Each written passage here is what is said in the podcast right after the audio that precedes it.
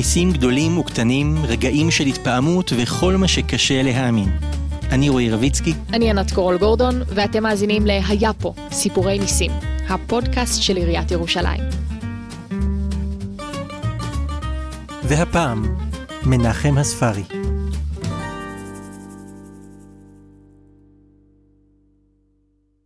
בפרק הזה נדבר עם מנחם הספרי. 40 שנה הוא היה מנכ"ל של חברות תוכנה, ואז הוא יצא לפנסיה והלך ללמוד היסטוריה, אבל על כל זה לא הספקנו לדבר. ביקשנו שיספר לנו על יום אחד בירושלים בשנת 1967. הפרק הזה שונה מהפרקים האחרים בפודקאסט. כשהקשבנו לשיחה, החלטנו להוציא את עצמנו החוצה, ולשבת באוזניים זקורות להקשיב יחד איתכם לסיפור.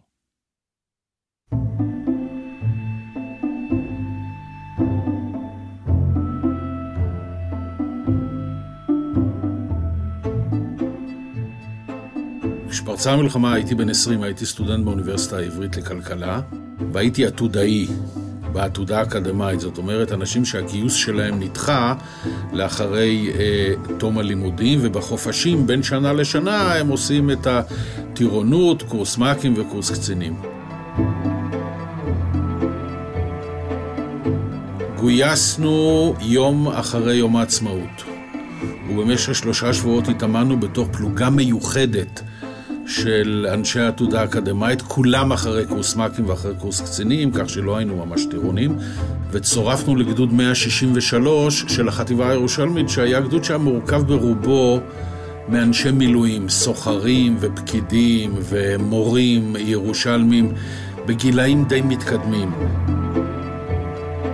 ואנחנו היינו חריג, כלומר קרוב למאה חבר'ה בפלוגה מיוחדת, בני 19-20, אה, די מאומנים, ובמשך שלושה שבועות התאמנו בהרי ירושלים יום-יום, ומעניין, השתכנו במשטרה שנמצאת מעל אבו גוש. אם אתה היום יוצא מאבו גוש לכיוון תל אביב, יש שם בצד שמאל של הדרך משטרה עזובה. אבל זו משטרה שיש לה היסטוריה מאוד מכובדת. יחידה 101 הייתה שם במשטרה הזו, ושם גם שיכנו אותנו, ובמשך שלושה שבועות התרוצצנו על הגבעות אה, מסביב לירושלים, על הרי ירושלים, ובאוויר כל הזמן הייתה הרגשה שעומדת אה, להיות מלחמה.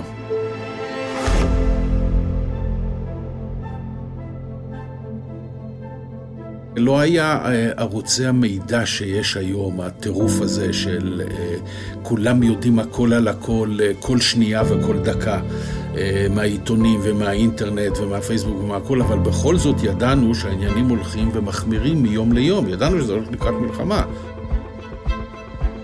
וההרגשה, אני מוכרח לומר, למרות שאני יודע שבציבור, זה נודע לנו אחר כך, הייתה הרגשה מאוד קשה. כלומר, הכינו וקידשו מקומות לבתי קברות, והכינו אוכל למצור, והתכוננו לשואה, והרבה ברחו מכאן. אנחנו לא הרגשנו את זה. יש מין, אצל אנשים צעירים, למרות שהאימונים הם קשים, יש מין חדוות נעורים כזו, ורעות ואחווה, שעושה את כל העסק למין דבר מהנה. אז שלושת השבועות האלה היו די מהנים, אני מוכרח לומר לך. אצלנו לא הייתה שום חרדה, ולהפך, שביום שני בבוקר, אותו, אותו יום ידוע שפרצה המלחמה, והיו כבר הפגזות על ירושלים של תותחים ירדניים, אז אתה מבין למה מגייסים לצבא אנשים בני 18 ולא אנשים בני 40 עם שלושה ילדים. הייתה מין שמחה כזו, שהיום אתה יודע שהיא טיפשית, אתה מבין מה... איזה מקום יש פה לשמחה? אתה הולך למלחמה, כמה מכם לא יחזרו? אבל הייתה מין כמו פקק שסוף סוף נשלף מבקבוק וכל הלחץ יצא החוצה. הייתה מין שמחה ורינה כזאת שיאללה יוצאים למלחמה. ובאמת כשהמלחמה פרצה ביום שני בבוקר, כבר באותו יום שני אחר הצהריים, נשלחנו לכבוש את גבעת הרד"ר, שמעל קיבוץ מעלה החמישה. זו גבעה שבזמן מלחמת השחרור ישבה במקום מאוד אסטרטגי ושלטה על כל הכביש לירושלים וכשהסתיימה מלחמת השחרור אותה לא הצליחו לכבוש והיה שם מוצב ירדני בדיוק באותה מתכונת כמו גבעת התחמושת תעלות חפורות עמוקות מאוד וביצורים ואנחנו העתודאים נשלחנו לכבוש את הגבעה הזו. וכבשנו אותה, כבשנו אותה במחיר של, אני חושב, שלושה הרוגים ואיזה כמה פצועים, וכבשנו את הגבעה הזו שישבה והייתה באמת איום גם על, אה, גם על הקיבוצים שמתחתיה וגם בעצם על הכביש לירושלים. והיום יש שם יישוב, הר אדר, כמו שנאמר בשיר, היום דבר אין להכיר, על המשלט יושבת עיר. ממש על המשלט יושב היום יישוב פורח.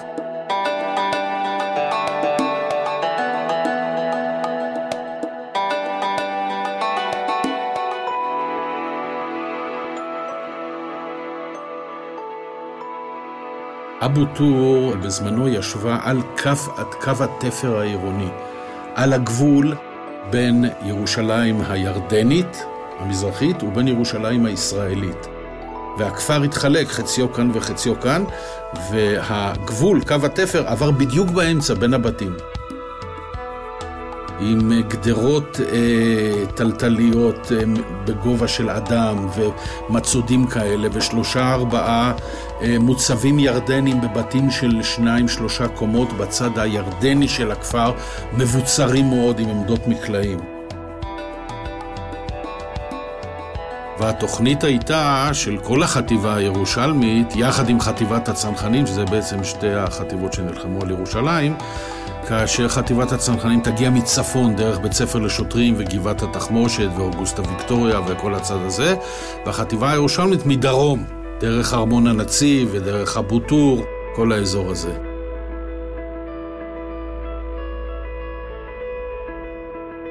כמו שתמיד קורה במלחמות או בקרבות, הקרב מתחיל לפי התכנון ולפי המודיעין ולפי המפות ולפי קבוצת הפקודות, אבל הוא מהר מאוד מידרדר וכבר מנהל את עצמו, והקרב הולך ומתפתח לפי תוואי השטח ולפי הטופוגרפיה. זה מה שקובע בעצם כמעט תמיד את מהלך הקרב, ובאמת זה מה שקרה באבו טור, שהייתה בעצם כפר שבנוי כולו במורד, במורד די חזק בצד האחורי של גבעה, כאשר הצד הישראלי למעלה והצד הירדני למטה.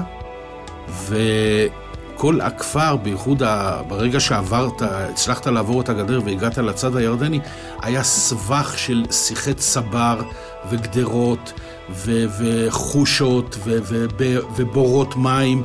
קשה מאוד. ולמרות שהגדוד עצמו חילק את המשימות לפלוגות, אתה תהיה על המוצב הזה, היה שם מוצב שנקרא אה, בית הלולב, ואחד בית המוכתר, ואחד בית אריה, כל אחד מוצב של שתיים שלוש קומות מבוצר לחלוטין. מהר מאוד הקרב הפך לקרב של אחד על אחד, בגלל תוואי השטח. קרב של צלפים וקרב של דו-קרבים, אחד על אחד, מבית לבית, מחדר לחדר, מגדר לגדר, ובסופו של דבר אה, היו להם הרבה הרוגים לירדנים, אבל מי שנשאר גם נמנע. היה, היה קשה מאוד, כי היה גם, הייתה אפיזודה די משונה. נתנו לנו מדים שהגיעו מעודפים של הצבא האמריקאי מווייטנאם. עכשיו, הצבא, הצבא האמריקאי בווייטנאם נלחם בג'ונגלים, והמדים שלו היו מדים מנומרים. ונתנו לנו גם את המדים המנומרים האלה. אז כל הזמן קיטרנו שבשטחים של הרי ירושלים ובנגב, ומה, אתה בולט מאוד עם אה, מדים מנומרים. אבל מה ששמנו לב, שהאמריקאים גם נתנו לצבא הירדני בגדים מנומרים.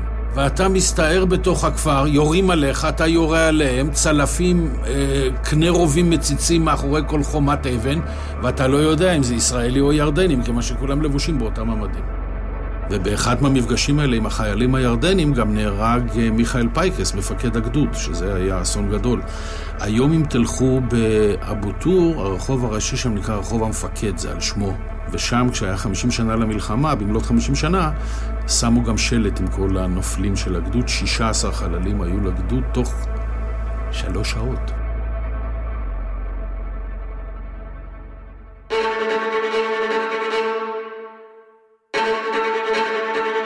בשביל לפרוץ את הגדרות הטלטליות שידענו מתצלומי האוויר וגם מתצפיות, הרי אנשים ישבו על הגבול הזה במשך 19 שנים.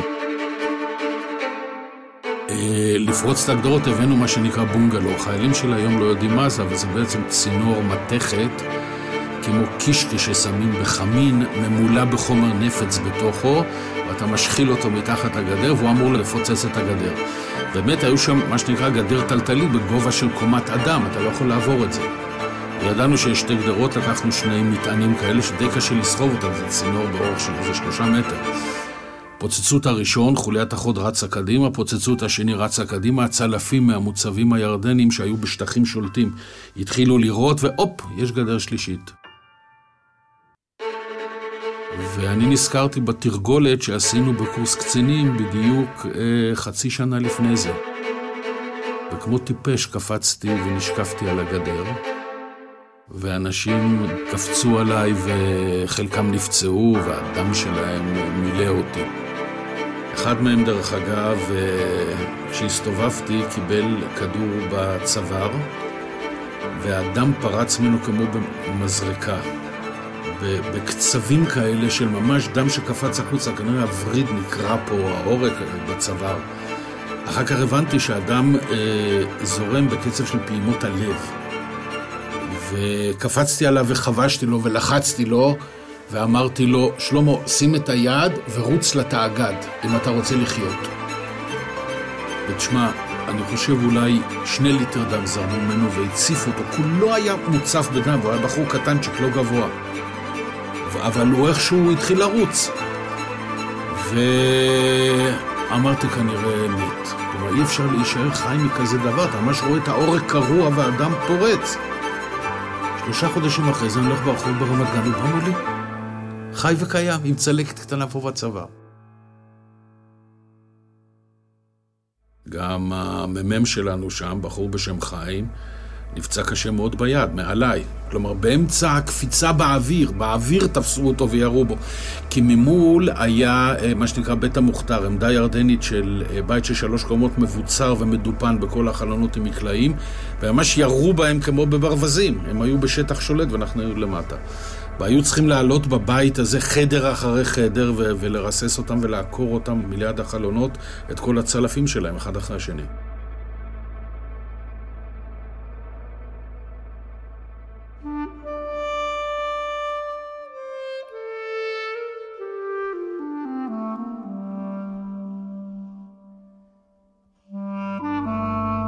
בגלל תנאי השטח, אז אין חדל אש קבוע לכולם.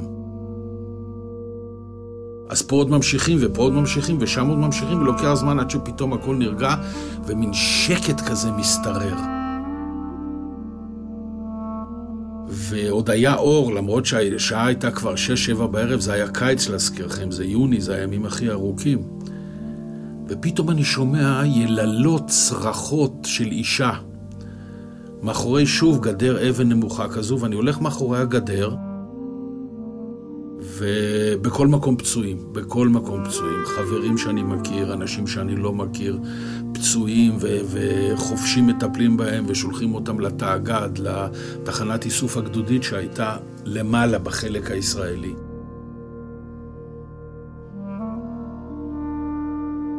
ואני הולך, מסתכל, אני רואה ילדה קטנה שוכבת על הרצפה, ממש טבולה בדם. ראיתי רק, חטפה כדור פה בבטן, וכולה מלאה בדם, ילדה בת 4-5. לידה אישה די צעירה מנסה לעבוד עליה וצורחת ומייללת, ולידה זקן, בהלם, מסתכל ולא מסוגל להגיב. וכשאני באתי ואני מופיע עם הנשק והכול, האמא התחילה לצרוח ועם תנועות מגוננות כאלה בידיים. אמרתי לה, סטנה, סטנה, סטנה, תרגי. ניסיתי בהתחלה לראות מה, אבל ראיתי שאני לא מסוגל לעשות שום דבר, זה לא איזה פצע שחבישה תעזור לו. לקחתי אותה על הידיים ורצתי איתה, התחלתי לרוץ איתה לתאגד למעלה. הם חשבו שאני רוצה לקחת את הילדה, אז האימא התחילה למשוך, למשוך לי בבגדים ולצרוח. אמרתי לה, דוקטור, דוקטור. וואלה, אמרה, דוקטור, בסדר, התחילו לרוץ אחריי. הם רצים אחריי. האישה הולכים אחריי ואבא, והיא כל הזמן, בשביל לעשות אותי מבסוט, כל הדרך מקללת את המלך חוסיין ואת עבד אל-נאצר. הנה על עבוק עבד אל-נאצר, הנה על עבוק אה, מליק חוסיין, כל הדרך מקללת אותם בשביל שאני אהיה מבסוט. הגענו לתא, הגענו, מסרתי אותה לרופא, הוא אומר לי, וואלה, באת בזמן, מיד פינו אותה, וזהו, בזה נגמר הסיפור שלי עם, אה, עם הילדה הזו.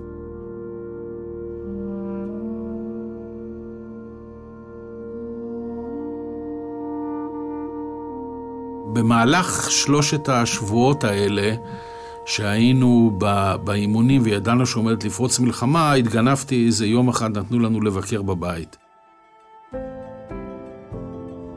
גרנו אז ברמת גן. הוריי ניצולי שואה, שניהם, זיכרונם לברכה, ואבא שלי אפילו היה קצין בצבא האדום אחרי שהצבא האדום שחרר אותו מהבונקרים שהם התחבאו בהם באוקראינה בזמן המלחמה. והוא לקח אותי לצד ואמר לי, אה, תשמע, אם תהיה מלחמה תילחמו בירושלים, וזו פעם ראשונה שצה"ל ימצא את עצמו לוחם בשטח עירוני, ויבוא במגע עם אוכלוסייה אזרחית. ואתה תמצא את עצמך נלחם נגד ילדים ונשים ואזרחים וזקנים וחנויות ורכוש ובתים. תשמור על צלם אנוש. אל תעליב, אל תרצח, אל תפגע שלא לצורך, אל תפגע באזרחים. וברגע שלקחתי את הילדה הזו חשבתי על אבא. כלומר, אה, אמרתי לעצמי, הוא בטח היה גאה בי.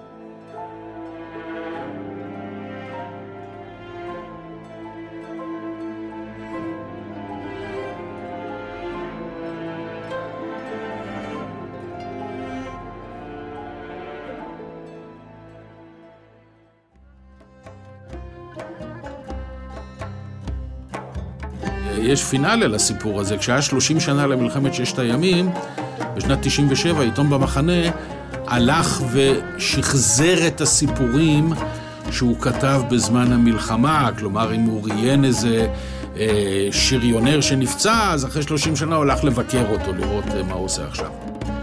לקחו אותי ואמרו, נארגן פגישה עם הילדה הזו שכתבנו עליה. היא הייתה אז בת חמש-ארבע, צריכה להיות היום אישה בת שלושים וחמש.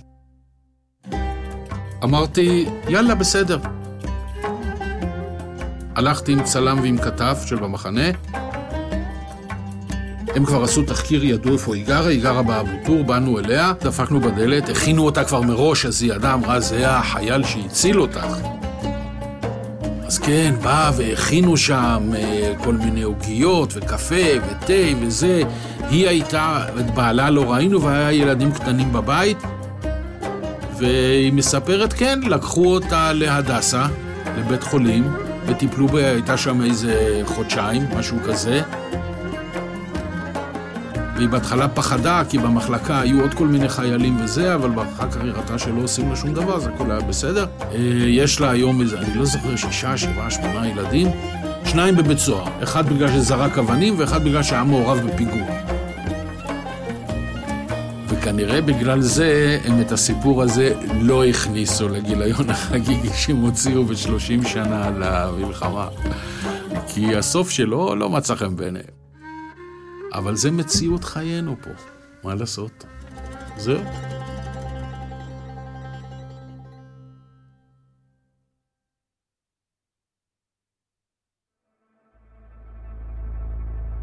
כשאנחנו נכנסנו לעיר העתיקה, אנחנו מצד דרום והצנחנים דרך שער האריות מצד צפון, אנחנו דרך שער, שער ציון.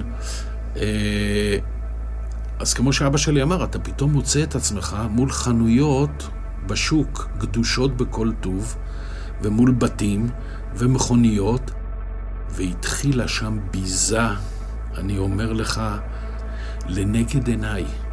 אנשים פרצו לבתים ולחנויות, לקחו טלוויזיות ורצו איתם. ראיתי אנשים עם שטיחים על הכתפיים, עם סרוויזים. אנשים ניסו לגנוב, פרצו לתוך מכוניות והסיעו אותם לחלק המערבי של העיר. ואני לא השתתפתי בכל זה. להפך, עוד דיברתי עם אנשים וניסיתי להניא אותם מזה, ואז נזכרתי במה שאבא שלי עליו השלום אמר ומה שהוא הזהיר אותי. הוא חזה בדיוק מה יקרה. אני לא רוצה להשתמש בביטויים חריפים כמו אנשים איבדו צלם אנוש, אבל אתה רואה את הצדדים המכוערים באופי של אנשים. אולי זה פורקן אחרי הלחץ של המלחמה, אולי הרגשה של מגיע לי, אני נפצעתי בקרבות ואני נלחמתי וזה האויב וזה שלל, תמיד מגיע לי שלל. ואולי אני רוצה להעניש אותם, את האויבים שלנו שצלפו בנו במשך 19 שנה מהצד השני. אבל איך שלא תסביר את זה ואיך שלא תסתכל על זה, זה מעשה מאוד מכוער ומביש. והיו מקרים כאלה, אני הייתי עד להם.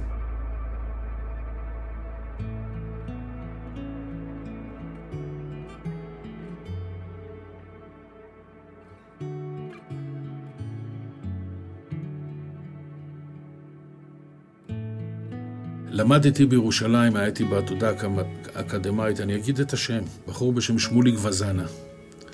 הוא עלה בגיל עשר ממרוקו, העברית שלו לא הייתה איי איי איי כל כך טובה עדיין במבטא צרפתי, אבל מהרצליה חמד של בחור, פשוט חמד של בחור.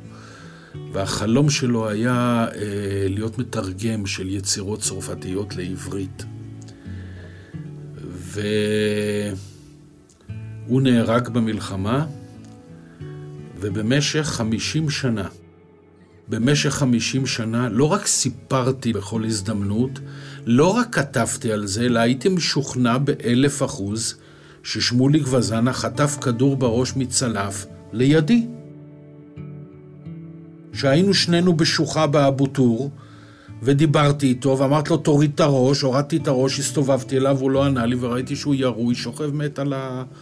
אה, רצפה בשוחה.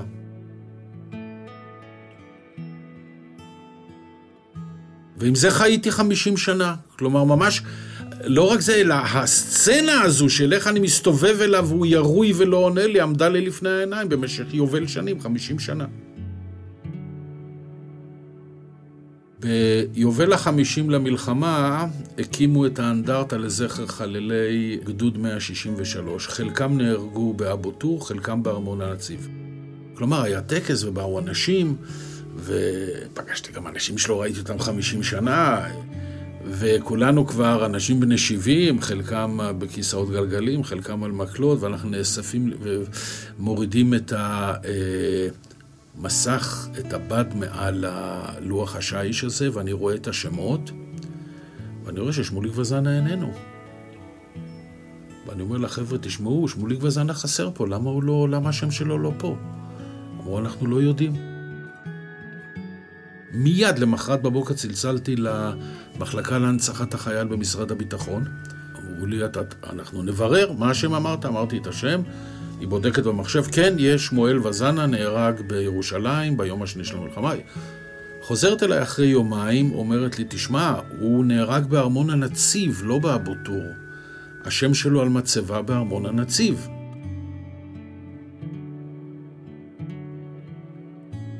הלכתי וחקרתי ובדקתי ודיברתי עם אנשים שנלחמו איתו בארמון הנציב, והוא באמת נהרג בארמון הנציב, ולא באבו טור ולא לידי. וזה אדם שהכרתי אותו במשך שלוש שנים, למדנו ביחד, היינו בקורסים ביחד, באוהל ביחד, רצנו, הזענו, קפצנו ביחד. ביקרתי בבית אצל ההורים שלו בהרצליה. כן, זה דבר שהמוח האנושי עובד בדרכים נסתרות שאין לי אפילו דרך להסביר את זה. ואז, לעת זקנתי, כשיצאתי לפנסיה, הלכתי ללמוד היסטוריה באוניברסיטה. זה היה חלום ותיק שלי, למרות שכל התוארים שלי היו בהייטק, במחשבים, בהנדסה. הלכתי ללמוד היסטוריה, ואז אה, נחשפתי לנושא של אה, מקור ראשוני ומקור משני. עכשיו, מה זה מקור משני? זה ספר שקיסינג'ר כותב על מלחמת וייטנאם. מה זה מקור ראשוני? קצין שנלחם בווייטנאם כותב את קורות חייו. זה נקרא מקור ראשוני, כן? אה, כתובת שכתב אה, מלך אה, בבלי וחרט אותה על שלט, זה מקור ראשוני. אבל המקור הראשוני נחשב עדויות בעל פה של אנשים שהיו עדים לאיזשהו אירוע. אבל לאט לאט בשנים האחרונות יש אה, ספקנות הולכת וגדלה אצל היסטוריונים, כמה זיכרונות של עדים שווים באמת, האם הם מדויקים. ומסתבר שסיפורים משתנים אצל אנשים בגלל שהם באמת שכחו, בגלל שהם ממציאים, בגלל שהם רוצים להראות את עצמם באור יותר אה, חיובי. כך שגם המקור הזה הוא לפעמים די מפוקפק, והנה דוגמה מהחיים שלי, בבקשה.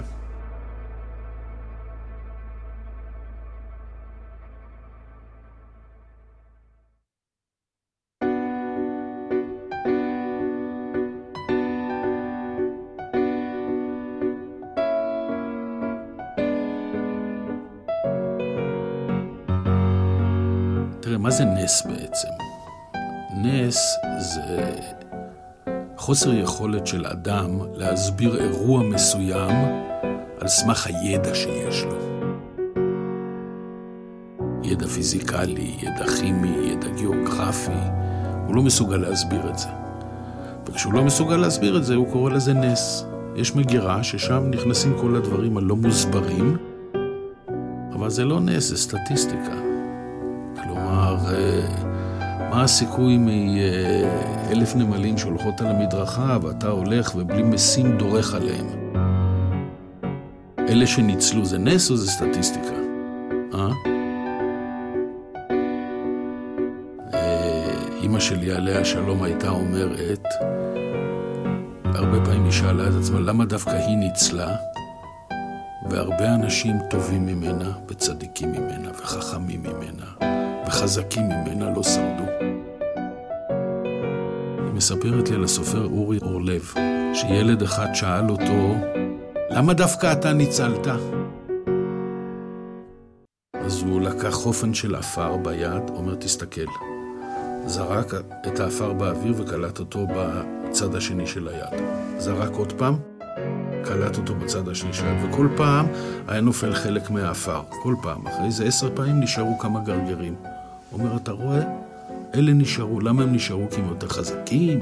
הם יותר חכמים? לא, עניין של מזל. אם אתה מאמין בניסים וביד מכוונת, אתה גם צריך להאמין שהיד המכוונת עוזרת לצדיקים ולישרים ולעושי מעשים טובים. והרשעים והמנוולים אף פעם לא יקרה להם נס, נכון? נו, אני מבטיח לך שאצל הרבה מנוולים אתה גם יכול לראות ניסים. הם ניצלים, הם מתעשרים, הם חיים עד גיל מאה. כן? מה? אז מה, הייתה יד נעלמת? קראו להם ניסים? אבל אז אתה תגיד, זה חשבונות שאנחנו לא בדיוק מבינים אותם. שזה הימלטות אה, מאוד נוחה בהרבה מקרים.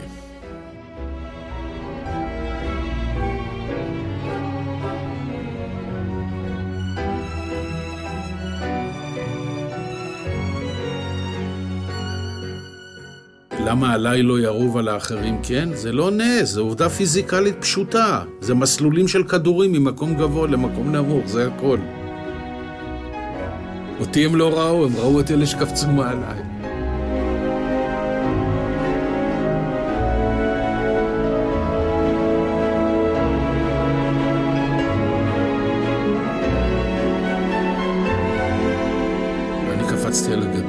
לא בגלל הקרבה ולא בגלל מעשה גבורה, ולא עמדו לעיניי לא המכבים ולא החשמונאים ולא לוחמי גטו ורשה. התרגולות שאתה עושה בצבא כל כך נכנסות לך לדם, אז כשאתה מגיע לסיטואציה הזו, זה כבר על חצי אוטומט שאתה עושה את זה.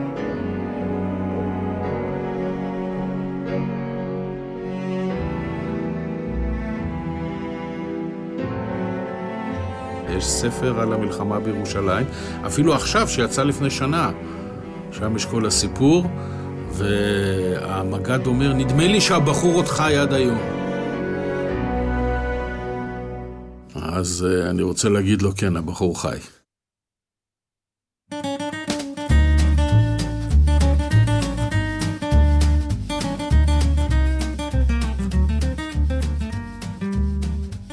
תודה רבה למנחם הספרי, הפודקאסט הוקלט באולפני שלג, את הפרק הזה הקליט וערך תום בייקין אוחיון. תודה גם לכל מי ששיתפו אותנו בסיפורי הניסים שלהם. את הפודקאסט יזמה והפיקה עיריית ירושלים, האגף לתרבות ואומנויות. אני ענת קורול גורדון. אני רועי רביצקי, והפרק הבא של היה פה סיפורי ניסים כבר מחכה לכם.